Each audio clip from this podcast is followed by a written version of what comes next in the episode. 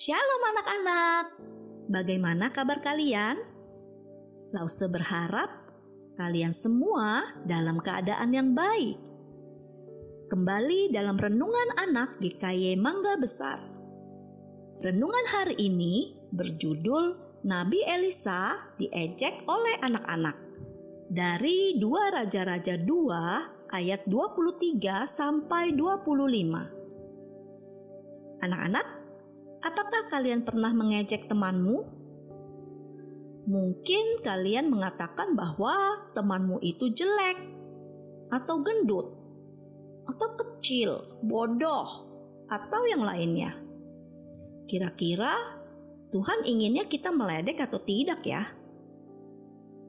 Ya, tentu saja tidak. Firman Tuhan mengajar kita agar tidak boleh mengejek siapa pun.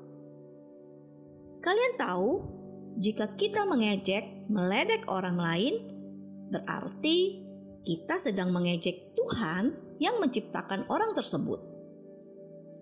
Tentu kalian masih ingat siapa yang menggantikan Nabi Elia setelah ia naik ke surga kan? Ya, namanya adalah Elisa. Setelah Elia naik ke surga, Elisa melayani Tuhan dengan sungguh-sungguh. Suatu hari, ia pergi ke Betel. Ketika ia sedang berjalan, tiba-tiba datanglah anak-anak dari kota itu mendekati Nabi Elisa. Apa yang mereka lakukan? Wah, ternyata mereka mengejek, meledek Nabi Elisa dengan mengatakan, "Kemarilah botak, kemarilah botak." Anak-anak itu telah mengejek nabi yang diutus oleh Tuhan. Kalian tahu apa yang terjadi selanjutnya?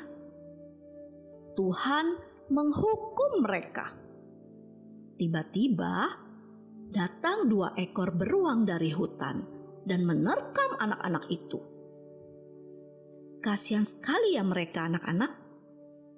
Dari cerita ini, kita dapat belajar bahwa kita tidak boleh mengejek orang lain, siapa pun dia, siapa pun orangnya.